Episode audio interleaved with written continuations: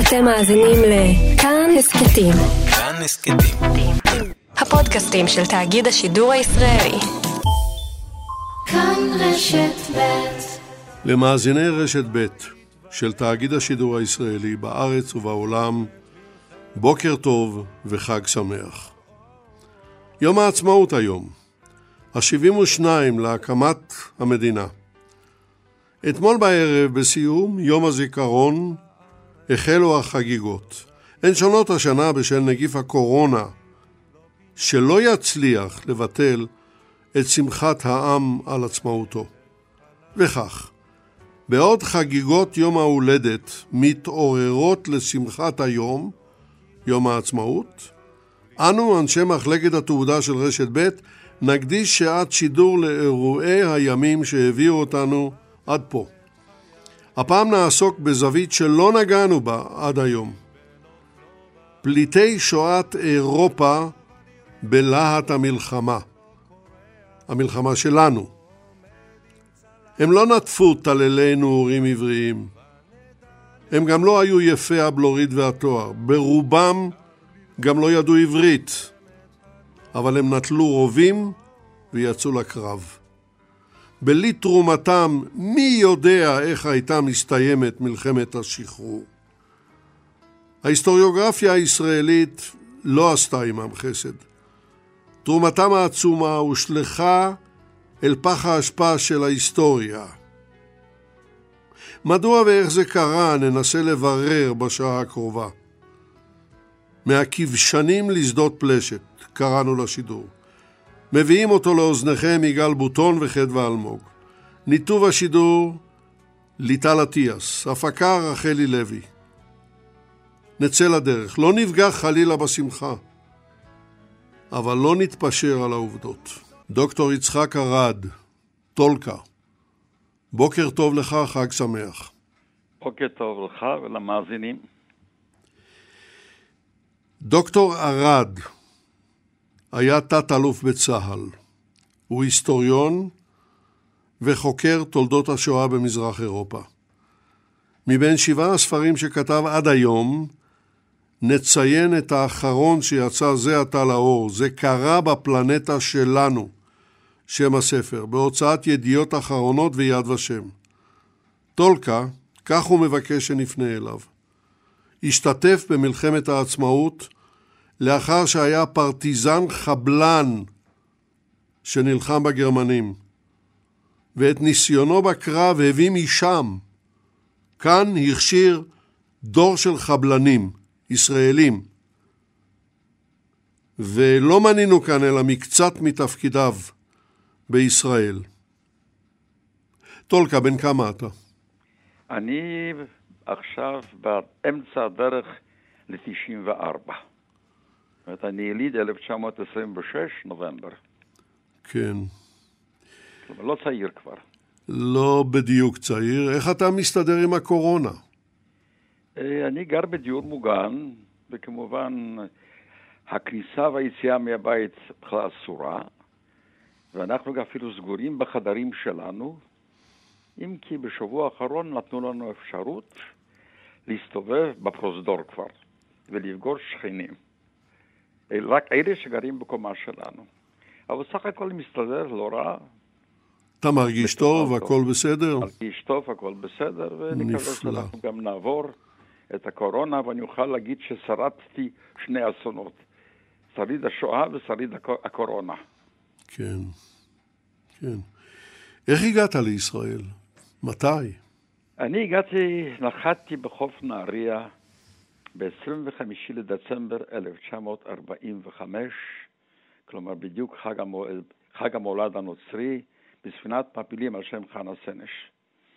כלומר, הגעתי אחרי שחלפו, הייתי שש שנים בשואה, מיום ראשון שהשואה החלה, 1 בספטמבר 39, בפולין הכוונה. אני הייתי בוורשה תחת הפצצות, אחר כך הגורל הוביל אותי ברחתי משם לעיירתי, על יד וילנה שווינצ'אנה שהייתה בשלטון סובייטי, שוב הגרמנים באו לשם, גטו, השמדה, ברחתי מהשמדה, הפסקתי נשק, מחתרת בגטו, פרטיזנים, פיצצתי 16 רכבות של גרמנים ביחידת אה, מוצנחת של אה, חבלנים סובייטיים. אבל ביום שברלין נפלה החלטתי שחובתי למולדת הסובייטית מסרתי, וכחניך בית ספר עברי, תרבות, החלטתי שיש לי חובה להקים את, ללחם למען עמי ולהקים, להשתתף בהקמת המדינה. במילים אחרות, אתה ידעת עברית כשבאת לכאן. ידעתי עברית, בוגר, בוגר בית ספר עברי, עברי. תרבות, רשת תרבות, ה... כן. חוץ מההרגשה הציונית שקיבלתי בבית ספר ובבית, בכל אופן, בשואה ראיתי את עמי בחולשתו, בהשמדתו, וכמובן היו גם מעשי גבורה של רבים, אבל אלה לא יכלו לשנות את המציאות של ההשמדה. אנחנו מדברים היום על מלחמת העצמאות, אם תרצה מלחמת השחרור. איך קיבלו אותך כאן, בארץ ישראל, לפני שהוכרזה המדינה? עליי לציין שלהבדיל מטענתם של רבים מניצולי השואה, שטענו שיקבלו לא כפי שצריך לקבל, וכנראה שהם צדקו בדבריהם, אבל אני אישית התקבלתי יפה. כלומר, הייתי שלושה ארבעה חודשים ביגור לפני שהתגייסתי לפלמ"ח. ידעתי עברית, יכול להיות שגם העובדה שהייתי פרטיזן, גם כן היה איזה... רגע, מה, מה זאת אומרת יכול להיות? אתה היית מדריך חבלה בג'והרה. כן, אבל זה כבר אחרי שכשהתגייסתי לפלמ"ח, כן? שלושה ארבעה חודשים אחרי שהייתי בארץ. אז הדרכתי בקורסי טיסה, בקורסי חבלנים בג'וארה, כלומר קורסי מ"מים ומ"כים של ההגנה ושל הפלמ"ח, אחר כך בקורסי קציני חבלה באפיקים, באשדוד. במקביל לזה גם למדתי לטוס, הפלמ"ח שלח אותי, והייתה מחלקת טייסים של הפלמ"ח, וגם הוצאתי רישיון טיסה אנגלי, פשוט הכינו את הקאדר העתידי של חיל האוויר הישראלי. כן. אבל תחילת מלחמת העצמאות בכל אופן מצאתי אותי כקצין חבלה בחטיבת פלמ"ח הראל, ובכל הקרבות בירושלים, אני לא אתחיל לפרט איזה קרבות. לא, לא, לא נתחיל לפרט עכשיו, כי יש לנו עוד הרבה מאוד חומר. אז אנא, טולקה, בוא יישאר איתנו על הקו, אל תרד מקו הטלפון, אני רוצה לפנות לעד השני שלנו, והוא פרופסור...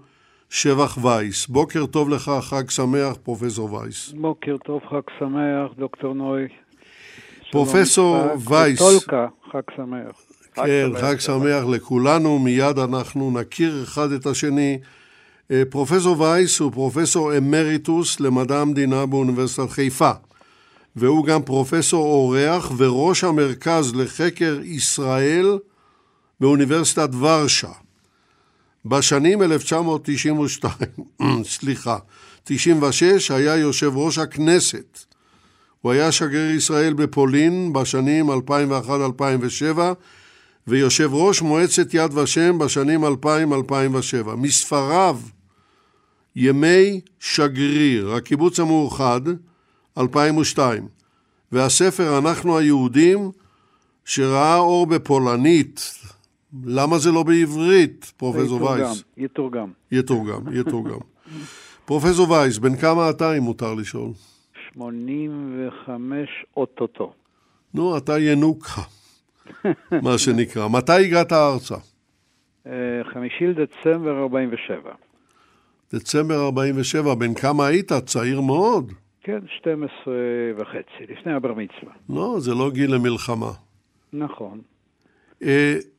אתה יודע מה, ישנה, ישנה בעיה. היהודים, ולגודל הצער, אנחנו ב, ב, בימי הזיכרון לשואה ולגבורה, אבל אנחנו מדגישים את, אה, הרבה מאיתנו מדגישים את הליכתם כצאן לטבח. ואתה לא מקבל את התפיסה הזאת, כי אתה אומר שהעם היהודי בכללו היה עם לוחם. אתה מוכן לפרט? כן, בהחלט. אני אעשה את זה בקיצור, כי זה נושא רחב. אני הייתי אומר, ללא נימוסים, אני בז למי שמכנים אותנו קיצון לטבח. אני בשידור הזה אצלך הפעם, בתור עד ראייה, עד שמיעה, בעצם אני אוד, אוד מוצל מאש, ומי שלא היה שם, ומי שלא חש, ומי שלא ראה, ומי שלא שמע את הקולות, ומי שלא שמע את דממה, את הדממה אחרי ההרג והירי, שיהיה זהיר בשיפוטנו ולא ידביק לנו כינוי כזה. נארזו באמירה של אבא קובנר שמגמתה הייתה קונקרטית מאוד, להזעיק את שארית היהודים שנשארו בווילנה ובגטו שיבואו יבואו אל היערות, יצטרפו אל הפרטיזנים ויילחמו. כבר טולקה ציין, דוקטור ארד ציין, שזאת זכות גדולה להופיע איתו כאן בשידור, שלחמו. מה זה לחמו? אנחנו היינו העם הלוחם ביותר במלחמת העולם השנייה, מעבר לכל פרופורציות, יותר ממיליון יהודים, עם שהיה בתהליך של השמדה ושריפה וחניקה, זה לא אנשים שמתו בשואה, הם נרצחו ונחנקו. המילה מתו בכלל לא מתאימה, זה לא לקסיקון מתאים. לחמו, בצבא ברית המועצות יותר מ-400 אלף, בצבא אמריקה יותר מ-140 אלף, בצבא בריטניה יותר מ-120 אלף, בצבא אוסטרליה יותר מ-20 אלף, בצבא דרום אפריקה, בצבא קנדה, מארץ ישראל הקטנה על 400-450 אלף יהודיה מ-39, כ-60 אלף. זה נכון שהם לא לחמו תחת דגל מדינת ישראל, אבל היה להם את הדגל בלב, הם לחמו נגד האויב הגדול ביותר של האנושות ושל העם היהודי. לחמו במחתרות, עשרות אלפים. מה שקרה, שהיה צורך ל- ליצור אתוס של גבורה על ידי ראשי המדינה שהכין את כוח המגן, אז נהרסו, נהרזו בה גיבורים, יד ושם, זה, זה בית מקדש לגבורה לשואה ולגבורה. אז נאחזו בגיבורים המפורסמים, שהם באמת היו גיבורים, אני לויץ' ואנטק צוקרמן וצייה לובטקין וחיה גרוסמן ורבים אחרים, היו גיבורים. אבל, אבל מה הייתה השתתפותם במלחמה אבל, שלנו? אבל, אבל זה היה, אמר כבר טולקה, ואתה אמרת בפתיחה, שספק כי מדינת ישראל הייתה קמה. בלי הכוח הזה מופעל ומופעם על ידי מין סוג של משיחיות, של צורך בתחייה, של צורך בהקמת המדינה. זה כבר היה מעבר ל... זה כבר לא היה ויכוח עם, עם הגישה הז'בוטינסקאית של מיד או ויצמנית שבאבולוציה מסוימת. זה אחרי ועידת בילטמור כבר של בן גוריון וכן הלאה. זה היה צורך בהול. מדינת ישראל לא הייתה יכולה להחזיק מעמד מול הצבאות שרצו באמת להטיל אותה אז לים. באמת מן האש של הים. אם צבא ההגנה לישראל מנה ב-16 למאי 1948 בערך 43-44 אלף חיילים, במרץ 1949, כעבור תשעה שמונה חודשים, הוא כבר מנה יותר מ-130 אלף. זה היו חבר'ה אלה של טולקה, רבים כאלה, אגב, מכל הגלויות. מאירופה ומצפון אפריקה קיבלה חלק, מכל, אחר כך מיד הצטרפו יהודים שעלו לארץ, מתימן, מעיראק, מפרס, ממצרים, מכל... הצטרפו, זה, זה מלחמת העצמאות לא נגמרה, אגב, היא לא נגמרה עד היום. לכן, כן, אני... אני מסכם את ההקדמה שלי. אני לא הובלתי כצאן לטבח, הובילו אותנו. וגם יאנוש קורצ'אק לא הלך כצאן לטבח, הובילו אותנו בשורות שורות, ליוו אותנו מכוניות עם גרמנים, עם משתפי פעולה, עם מכונות עירייה, אל, בור... אל, אל בורות ההרג. כן, אבל פרופסור גבורה, וייס, פרופסור גבורה וייס. זאת, הגבורה היא ללכת עם הילדים לשם, לא אנא, אנא, אנא, אנא, פרופסור וייס, אוקיי, הקשיב לי. סליחה שאני... שנייה, לא, זה בסדר, אני יכול להבין את, ה... את הכעס שלך וההתרגשות שלך, אנחנו נגיע גם לזה, אבל אנחנו עוסקים היום במלחמת העצמאות, עם כל הכאב. אז אנחנו, בוא תישאר איתנו על הקו, ואני רוצה לפנות ל... עד השלישי לעדה המומחית השלישית, והיא פרופסור חנה יבלונקה. בוקר טוב לך, חג שמח. בוקר אור. פרופסור לכולם. יב... לכולם, כמובן, ואחד מכיר את השני, יש אנשים לך... אנשים מקסימים יש איתי. כן, הטובים ביותר.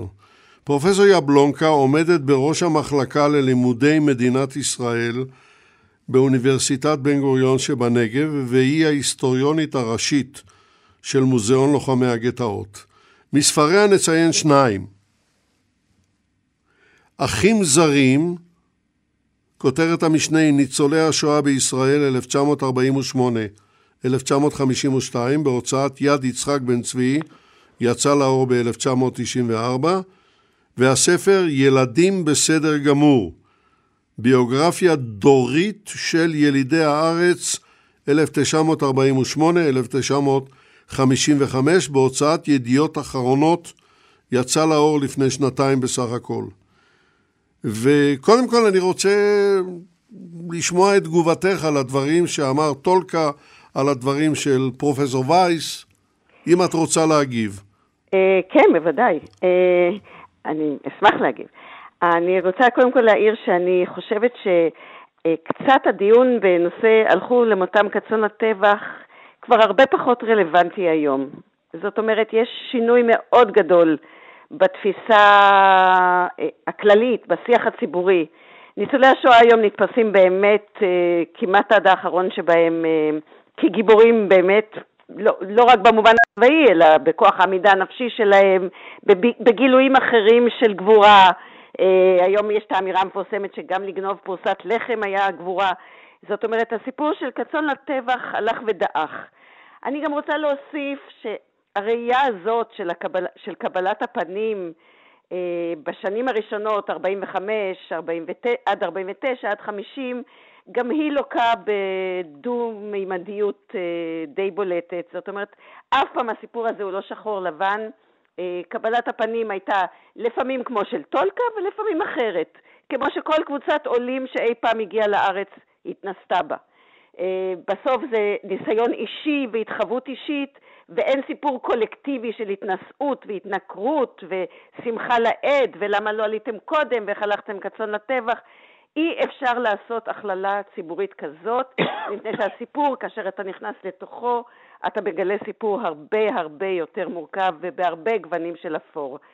עכשיו, אני כן רוצה לומר אה, שכל התהליך מתחיל להשתנות ברגע שמשווים את התגובה היהודית אה, של יהודי אירופה בתקופת השואה בקונטקסט הרחב, הכללי של עמי אירופה האחרים. זה תהליך. ב-47' וב-45' וב-48' מה שידעו פה על השואה היה מעט מאוד. אמ, היה גם, היה גם קושי גדול להפנים את מהותו של הסיפור. אה, בסוף זה לא אותה מידת ידע כללית ששוררת בישראל של 2020. אנחנו צריכים לעשות מסע בזמן בתוך קפסולה ולדבר מתוך האווירה של 1945, 1947, כשהקונטקסט גם כן יש לו אינפוט לתוך הדבר. והקונטקסט הוא, זהו רגע האמת, שבו או תהיה לנו מדינה או לא, וזה חלון ההזדמנויות האחד ואין שני לו. זאת אומרת, יש פה הסיפור הלאומי המקומי עם הקמת מדינה יהודית ריבונית ברגע האמת שלו, מול הטרגדיה הגדולה של יהודי אירופה ולשתי חוויות שמתחרות מאוד חזק אחת בשנייה. במילים אחרות, את מקבלת את מה שאמר טולקה ומה שאמר פרופסור וייס, שאלמלא ההשתתפות שלהם, אנחנו עוד נגיע אל טולקה ונדבר על, על ההתגייסות של האנשים האלה אחרי ההפוגה הראשונה בקרבות עשרת הימים, אבל אלמלא ההשתתפות שלהם, התוצאות עלולות היו להיות הרות אסון מבחינתנו? אוקיי, okay. מורי ורבי יהודה באואר אה, לימד אותי פעם שבהיסטוריוגרפיה אין אם. אני רוצה להגיד עובדות. עובדה ראשונה, שני שליש מהכוח הלוחם של צה"ל במלחמת העצמאות היו ניצולי שואה. קודם כל זה הנתון. מה תעשו עם האם? זה אה, כל אחד יעשה לעצמו. ברגע ששני שליש מהכוח הלוחם הם ניצולי שואה, הארדקור, לא בהגדרות הרחבות מאוד של ניצולי שואה שמקובלות היום, אלא הארדקור ניצולי שואה מאירופה. חנה, חנה, את בעצם מאשרת את מה שאמר טולקה, מה שאני בוודאי, בוודאי. אמרתי בעקבותיו. שני שליש, שני אגב, שליש זה לא מוריד מכבודם של אותו שליש שהתגונן לא, מכו הארץ, זה היו לא אנשים נפלאים, זה היה מגש הכסף, כמובן. ברור, אני בפירוש יכולה לומר את הדבר הזה שאני לא רוצה לפגוע בשום דבר, אני פשוט רוצה לתת את המספרים. שרק לפני כ-20 שנה פתאום חדרו לתודעה הציבורית. כי בסוף בכל ספרי החטיבות הועלו על נס הצברים המיתולוגיים שלחמו את מלחמת העצמאות, והם היו כשליש מהכוח הלוחם. עכשיו, הדבר הזה בא לביטוי, למשל, באחת התופעות של השנים האחרונות, שפתאום התברר שכמעט כל החניכים בקורס הטיס הראשון היו ניצולי שואה.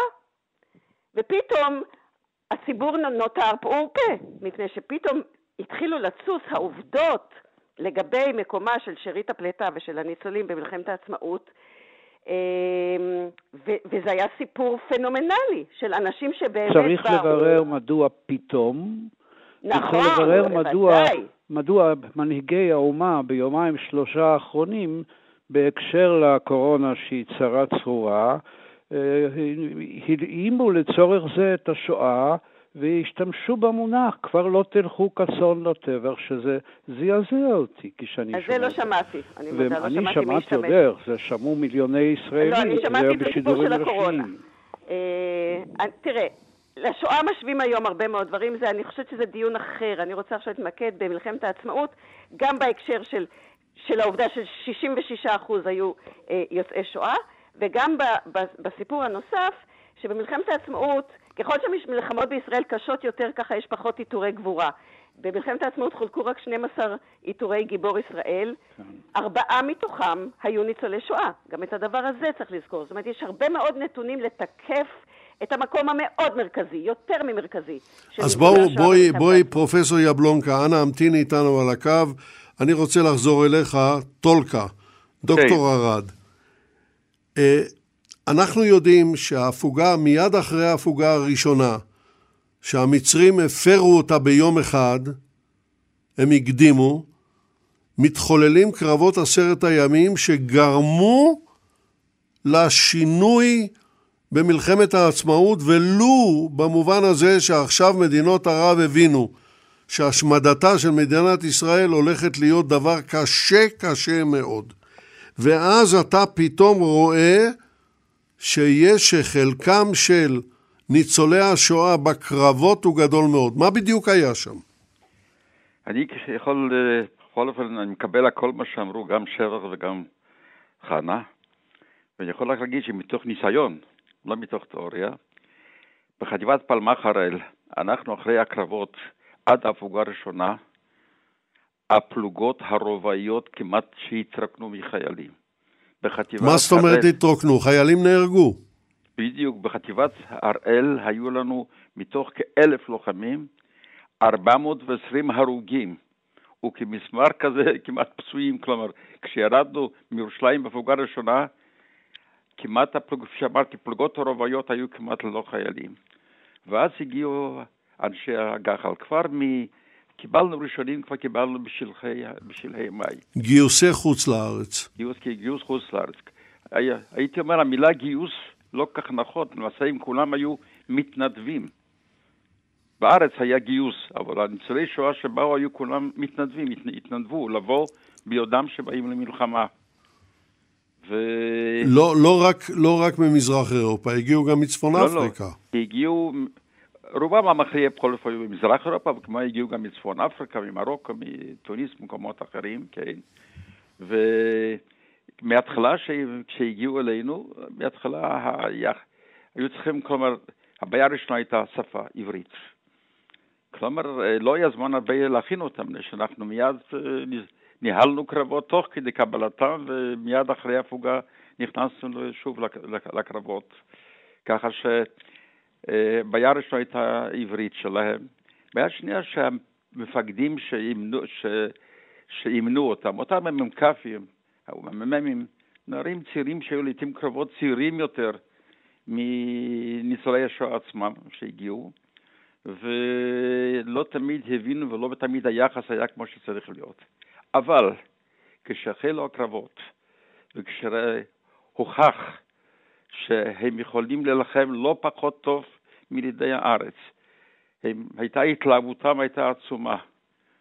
ולאט לאט הם uh, נקלטו, אני יודע, בחטיבה שאני הייתי, בגדוד שאני הייתי, בגדוד החמישי של הפלמ"ח, כן, נקלטו מצוין, ולא היה למעשה הבדל כמעט ביניהם. אתה שמעת, אתה שמעת במו אוזניך את המילה סבונים? אה, זה בכל אופן לפני מלחמת העצמאות פה ושם שמעתי את המילים האלה, אבל כמובן זה רחוק, רחוק, רחוק מהמציאות כפי שהיה. אז רק תרשה לי, טולקה, רק תרשה לי חצי דקה, לא יותר, להסביר למאזינים. הייתה שמועה שהגרמנים עושים סבון משומן יהודים, לא היה לזה יסוד. הם לא עשו את זה, הם עשו זוועות אחרות.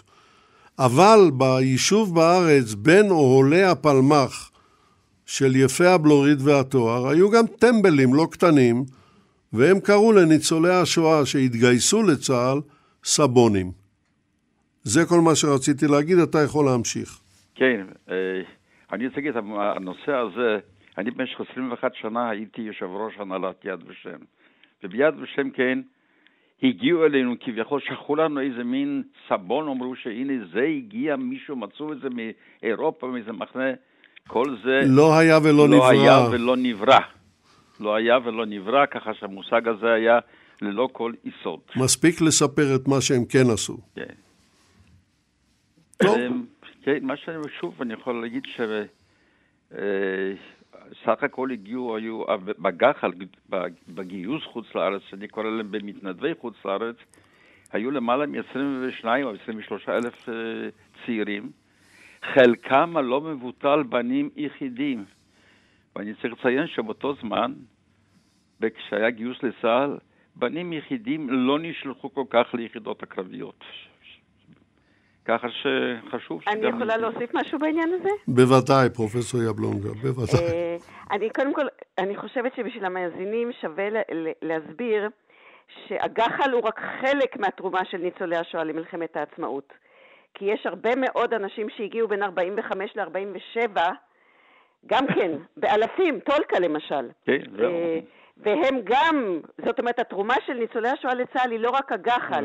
אה, במובן הזה יש הטעיה באופן ש... וגם 50-60 אלף שהיו בקפריסין, שהם הגיעו, גורשו, והגיעו אחר כך יום-יומיים אחרי קום המדינה. בגלל זה אני אומרת, זאת אומרת, מקורות הגיוס עשרות אלפים. אנחנו כל הזמן מתכנסים לגח"ל, והגח"ל זה רק חלק מהסיפור. ברור. זאת הערה ראשונה. הדבר השני זה הבנים היחידים, שאני אולי שווה, זה, בשנים האחרונות אני מגלה שזה איזה סוג של דבר שמסעיר מאוד את הציבור הישראלי כשהם נחשפים אליו. באמת היה חוק בנים יחידים, אה, זה עדיין כבר היה, עוד היה בהגנה, ורק אחר כך עבר לצה"ל. אה, וכל הפניות של ניצולי השואה אה, לקבל שחרור מהצבא, מה, מהשירות ביחידות הקרביות, לא מהצבא, מהשחרור ביחידות הקרביות, אה, נענו באין לשחרר. הם לא נחשבו בהגדרה של בנים יחידים, ואם תרשה לי, אז בכלל כל המחקר שלי התחיל ממכתב אחד שמצאתי, אה, שכתב אותו קאז'יק, שהזכרת אותו מקודם, שמחה רותם, שהיה מפקד של אחת היחידות שלא ידעתי על קיומה בפלמ"ח, יחידת הפרטיזנים, אה, שהוקמה, ושאספו פרטיזנים, כי אמרו להם יש איזשהו ניסיון מלחמה, והם הגיעו בין השנים 45 ל-47 והקימו יחידה כזאת. והוא שולח לפיקוד העליון, לגלילי, מכתב שאומר, ברצוני להעיר לכם על מחלקת הפרטיזנים שאנשיה לא רק בנים יחידים, אבל יחידים למשפחות שלמות שהושמדו על ידי הנאצים. כאחראי לאנשים אלה חושבני כי עוד לא הגיע הזמן להשיג את האנשים האלה בקו הראשון, כמו בבית דגון, הם ישבו שם בבית הקרן הקיימת. דווקא בגלל שזאת יחידה קרבית, בעלת רמה, כדאי להטיל עליה תפקידים רק בשעה 12 ולא לפני זה. אה, כן. ואולי הוא גם כותב שחובה לאומית לשמור על האנשים האלה שיישארו בחיים עד כן, הנקודה, הנקודה הובנה, פרופסור יבלונקה. לא פשוט נימה אישית קצת לדיון הרחב. בסדר גמור, בסדר גמור. עכשיו, אני חוזר אליך, פרופסור וייס. אתה לא היית זה שדרשת את המשדר הזה, ואתה כעסת נורא. תגיד לי... לא דרשתי, הצעתי. הצעת, הצעת, סליחה, סליחה. אבל הצעתך התקבלה, אתה רואה, אנחנו מדברים.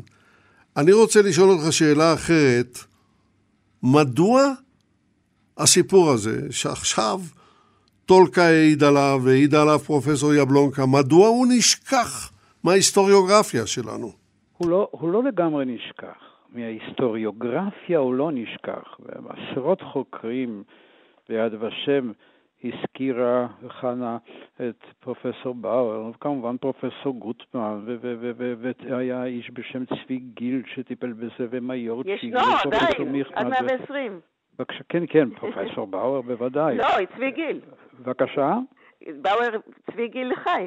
מאוד. עד, עד, עד יותר מ-120. המון אנשים שעושים, דינה פורד ואחרים שעסקו ועוסקים בזה, וחנה יבלונקה, ו, ו, ואין סוף. הבעיה היא שנאום אחד בעצרת אחת, שמסתכלים וצופים בה שלושה מיליון ישראלים, ושהוא חוזר ונשנה, ומבוסס על חוסר ידע, ואני חוזר כאן שוב לעיקרון שפרופסור באואר כל כך הקפיד עליו, שידע, ידע, ידע, בסיס, עובדות, אה, שחנה יבלונקה, אה, פרופסור יבלונקה הזכיר אותו, הם מוחקים את כל ההיסטוריוזופיה שקיימת, אבל היה עוד משהו, היה עוד משהו.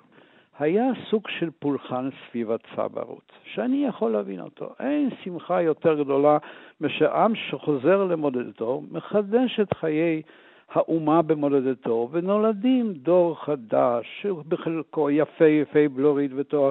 אגב, בין הלוחמים, בין ניצולי השואה, היו כל כך הרבה יפי בלוריד ותואר גם כן, אבל עטרו אותם בנז, בנזרים כאלה בצדק, כן? אני לפחות באופן אישי, בזכותו של יצחק רבין האהוב עליי כל כך, שהייתה לי זכות לעבוד לצידו הרבה שנים, למדתי על הדברים המופלאים של הדור הזה דרכו, אבל היה, הפולחן הזה האפיל, מלשון אפלה על יתר הגבורות. וכן הלאה. זה אפשר להבין, אני לא כועס, אין לי פה טרוניה, זה חלק מהמורכבות של התקומה ומורכבות הפאזל הזה של מכונני התקומה.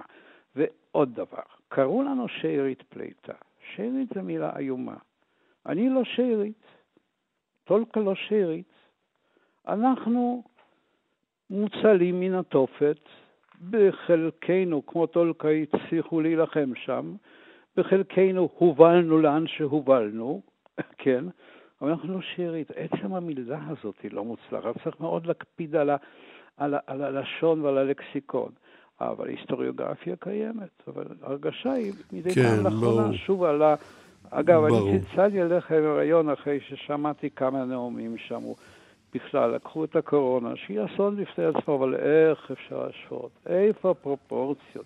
הרי כל ניצול שואה ששומע אותי עכשיו בעצמו יודע שאין שום השוואה, גם הפרופורציה היא חלק ממסכת העובדות. טוב, בואו בוא נעבור, אני חוזר אליך, אה, דוקטור ארד, טולקה. כן. והשאלה שאני רוצה לשאול, קודם כל, אתה מקבל את הדברים של פרופסור וייס? בוודאי, ודאי שאני מקבל.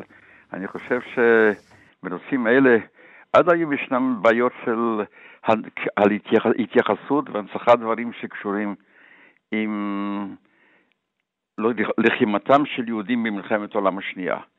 אמנם הנושא שאנחנו דנים פה הוא מלחמת העצמאות, אבל תרשה לי בכל אופן להגיד, מיליון וחצי חיילים יהודים היו, נלחמו בצבאות בנות הברית. נושא שבארץ אנחנו מדברים על מורדי גטאות ועל פרטיזנים, כן. ובצדק. אבל יש מקום לזכור שבמיליון וחצי לעם היהודי יש חלק בניצחון על גרמניה הנאצית. 250 אלף יהודים, חיילים נפ, יהודים נפלו בצבאות בנות הברית. ודרך אגב, אני מעורב בזה, עכשיו אנחנו מקימים מוזיאום למיליון וחצי לוחמים יהודים בלטרון, ולצערי, ולצערי, עד היום אנחנו לא מצליחים להשיג מהממשלה את חלקם בהקמת המוזיאום הזה. אז זאת ההזדמנות לדרוש. כן, זה בושה. כן, אנחנו כמובן בושה, דרשנו באמת. ונפגשנו, ואנחנו ראש ממשלה הבטיח, בינתיים, זהו, זה בכלל יחס... אה, אולי, אולי זה יצליח, אנשים גדולים וחשובים מקשיבים לתוכנית הזאת. פרופסור חנה יבלונקה, אה, דיברנו על זה, טולקה היה בעצמו בפלמ"ח, היו הרבה חבר'ה שהתגייסו לפלמ"ח, אבל מסתבר שגם בבית הפלמ"ח בתל אביב, יש אולי, אני לא יודע, אולי יש איזושהי הכאה על חטא. מה את יודעת לספר לנו על אלון הפלמ"ח בעניין הזה? אה, אז ככה, אני אומר את הדבר הבא. שוב, הפלמ"ח הייתה היחידה המיתולוגית בשיח הציבורי. בבית הפלמ"ח עצמו יש יד לגחל, שהוקם לפני כעשור, אני הייתי מאוד מעורבת בדבר הזה. אני עד היום חושבת שזאת הייתה טעות לקרוא לו יד לגחל, מפני שזה היה צריך להיות יד ללוחם אה, שורד השואה. כי זה לא רק הגחל כאמור. מבחינה זאת יש שם פספוס בהקשר הזה. אבל אותי יותר מעניין לחזור בקפסולה של הזמן ל-48. פספוסים כי... אפשר לתקן. בוודאי. אוקיי. כן, כן, אנחנו את, את, את כל הדברים האלה מקבלים כמובנים מאליהם. הלאה. אה, אוקיי, חשבתי שאתה שואל אם אפשר לתקן אותי, אז אמרתי...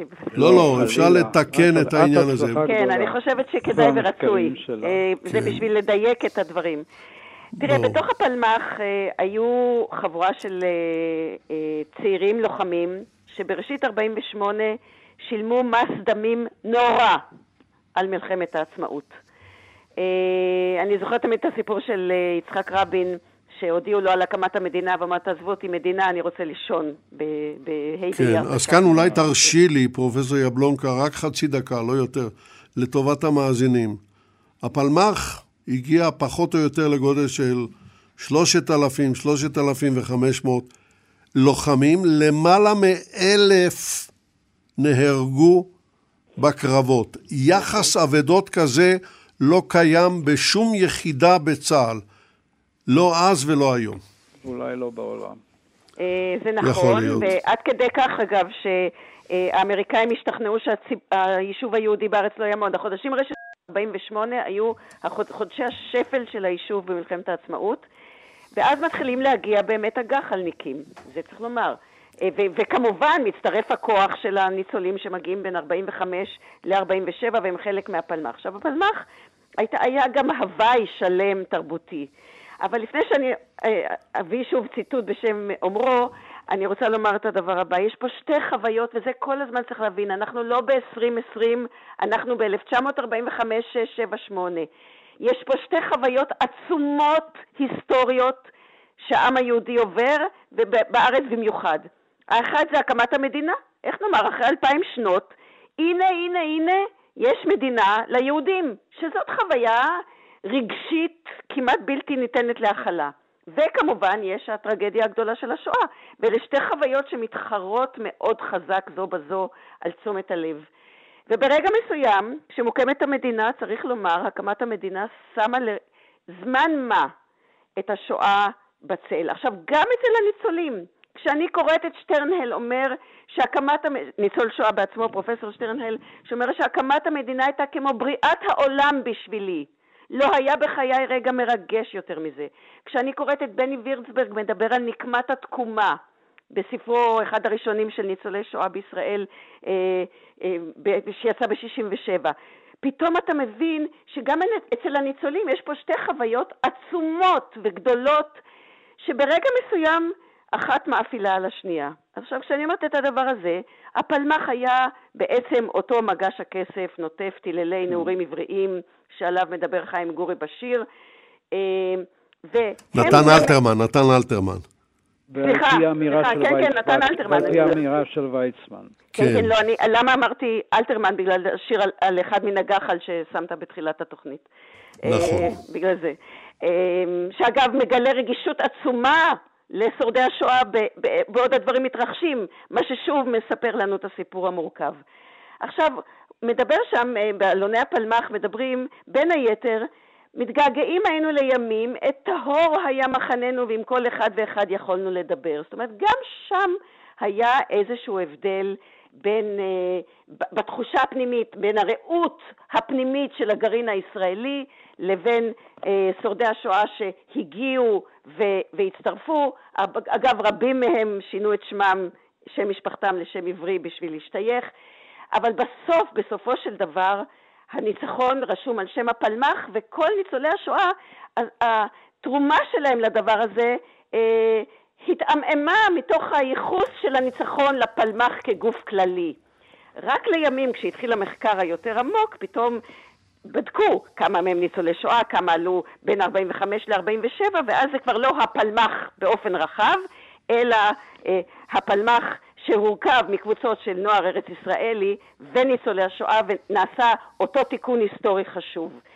אבל זה עניין של זמן, זה עניין של טקסט וקונטקסט. והקונטקסט כמובן ב-45-47 הוא קונטקסט אחר לגמרי מאשר ב-2020, אם כי גם ב-2020 עוד אני שומעת לא מעט uh, פעמים uh, uh, תיקון, דברים שמחייבים תיקון גם רעיוני וגם רגשי וגם תחושתי וגם של צדק. כן, פרופסור וייס, דבר. אני אומר, זו הערה מאוד חשובה, הדברים האחרונים של חנה, מאוד חשובה התחרות הזאת, כאילו. ויש פה שני כוחות אדירים בעצם, עם עוצמה משיחית. אני מדבר לא במובן הדתי, אלא במובן הרוחני, בוא נאמר ככה. שהוא גם מובן דתי. יש פה, קורים שני דברים נוראי הוד. אחד נורא ואחד מלא הוד, זה הקמת המדינה. איזה, אחד, אחד הסיוט הנורא ביותר בתולדות העם היהודי ואולי האנושות, ואחד הפלא המופלא הזה שנעשה על ידי אנשים וגיבורים. אבל רציתי אולי שני דברים, ככה להוסיף שתיים שלוש עובדות מעניינות. יש הרבה מאוד מברקים וחומר שבן גוריון דורש מהבריחה, שאול אביגור ואחרים. אגב, אני פגשתי את אנשי הבריחה בדרכי לארץ ישראל. הם הכינו, אני ראיתי את ההכנות לקראת המלחמה והקמת המדינה. מקפ"פ ומקורסי טיס וכל הדברים האלה. אני כילד הייתי עד ראייה, עד שמיעה. ובן גוריון דורש קודם כל למיין, אני לא אשתמש במילה סלקציה, כי הייתה לו כוונה כאן קדושה, הוא רצה את כוח המגן, קודם כל לשלוח לארץ אנשים שמסוגלים עד גיל 40, גברים בעיקר שמסוגלים להילחם, פשוט, פשוט חיילים, כוח מגן, הוא חזה את הקושי העצום הזה של התמודדות עם האויבים. זו גם הייתה המדיניות של הסוכנות היהודית לפני המלחמה, מתוך ידיעה שתהיה כן, מלחמה. יש אין סוף, בוודאי. ויש עוד עניין, אולי בזיכרונות, פעם קראתי איזה רעיון מאריק שרון, איך שהוא מתאר, אגב, באהבה גדולה את הפלונטר הזה שדיברה עליו חנה ודיבר עליו טולקה ארד, השפות, הרב-לשוניות, פקודות ביידיש, ברוסית, בפולנית. המילה הכי פופולרית הייתה שיסן, כי שיסן זה גם ביידיש, ולדאבון לב יהודים למדו את זה גם מגרמנית, מהמקומות שהם היו במחנות וכן הלאה. אם כן, כל זה, זה, זה, זה, זה, יעברו דורות עד שהדברים האלה יעקלו. אלא מה, אנחנו כבר אחרוני, אני מדבר על טולקה, עליי ועל... אנחנו האחרונים שיכולים עוד למסור איזו עדות תחושה, ואנחנו מוצאנו, רואיינו, רואיינו וכתבנו, צריך עוד קצת, לנ...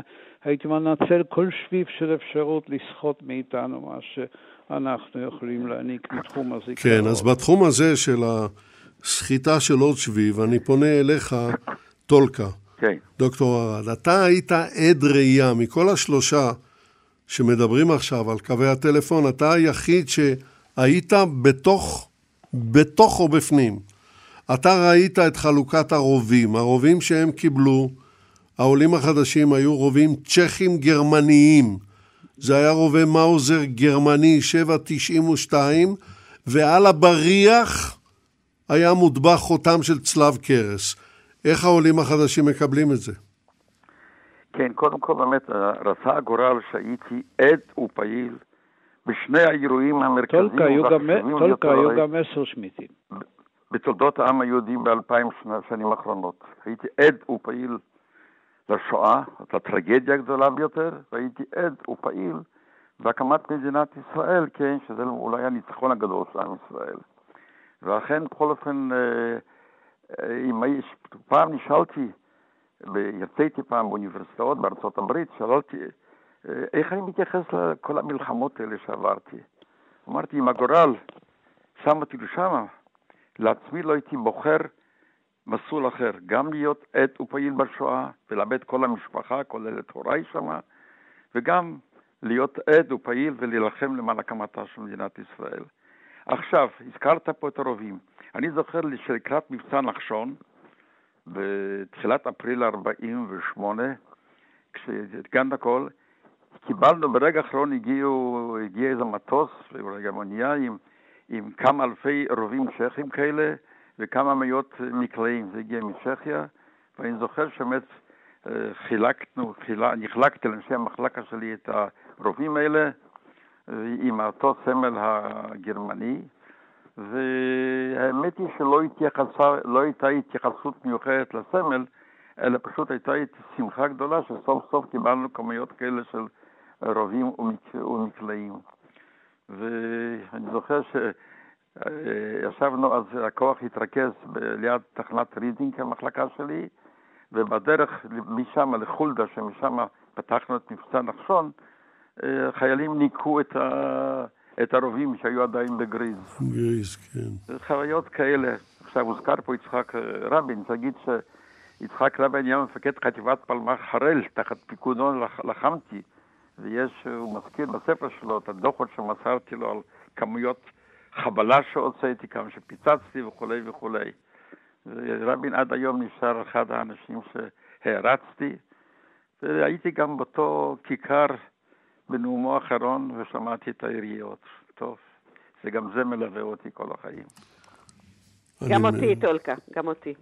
כן, זהו. ולי, ואני זוכר ששרתי אז יחד עם רבין שם למעלה, והזיכרון הזה הוא צל כבד. כן, הכאב הוא גדול, הכאב הוא גדול, אבל בואו בוא נתמקד בדקות המעטות מאוד שנותרו, בואו נתמקד במלחמת העצמאות. אתה היית רוצה לומר אולי, אה, פרופסור וייס, כמה מילות סיכום או כמה דברים ששכחנו לדבר. רק שעה עומדת לרשותנו, וזה לא הרבה כן. זמן. לא, זה הרבה. כמה מילות סיכום, כל כך קשה לסכם. קשה, אבל אולי, לפחות חלק אולי, מזה. אני אלך אולי לכיוון הזה, כדי לא לחזור על דברים ש... כן. קודם כל זאת הרגשה של כבוד להופיע בהרכב הזה של טולקה רץ. של תת-אלוף יצחק ארד ושל חנה יבלונקה, ושיחה מרגשת וחשובה מאוד גם בשבילי, ולמדתי ממנה הרבה. עכשיו אני אומר עליי ככה, היה לנו פעם שיר שהרבנו לשיר אותו גם כשהגענו לארץ, אנחנו אז הילדים. אנו באנו ארצה לבנות ולהיבנות בה. אם כן, אנו באנו ארצה לבנות ולהיבנות. אנחנו הצלחנו לבנות הרבה, לא הכל בהצלחה, ולהיבנות מאוד אחרי הכל. ללא ספק. תודה רבה לך על המילים האלה ועל הסיכום הזה, פרופסור וייס. פרופסור יבלונקה, מה היית מבקשת שהמאזינים למשדר שלנו עכשיו, והם רבים מאוד, ילמדו מהשידור הזה? שני דברים. הדבר הראשון שאני רוצה לומר זה שמאז שאבא שלי ביקש ממני לכתוב, וזה היה מחקר החלוצי על ניצולי השואה בישראל, את הדוקטורט לנושא הזה, אני למעלה משלושים שנה, זה נושא שאני חיה אותו יום ביומו. יש סיפור מאוד עצוב עכשיו דווקא עם הקורונה, עם ניצולי שואה. המדינה הזניחה, אבל אני כן רוצה להעיר את הדבר הבא. גבורתם של הניצולים בקונטקסט הישראלי לא באה לביטוי רק במלחמת העצמאות ובעובדה שהם היו שני שליש מהכוח הלוחם. בכל אשר תפנה בחברה הישראלית תראה פה סיפור של מהגרים שמקרוב באו אחרי הטרגדיה הגדולה ביותר בתולדות האנושות והפכו להיות לחוט השדרה הלאומי של החברה שאליה הם היגרו. בתרבות, ברפואה, בתעשייה ולא רק בצבא.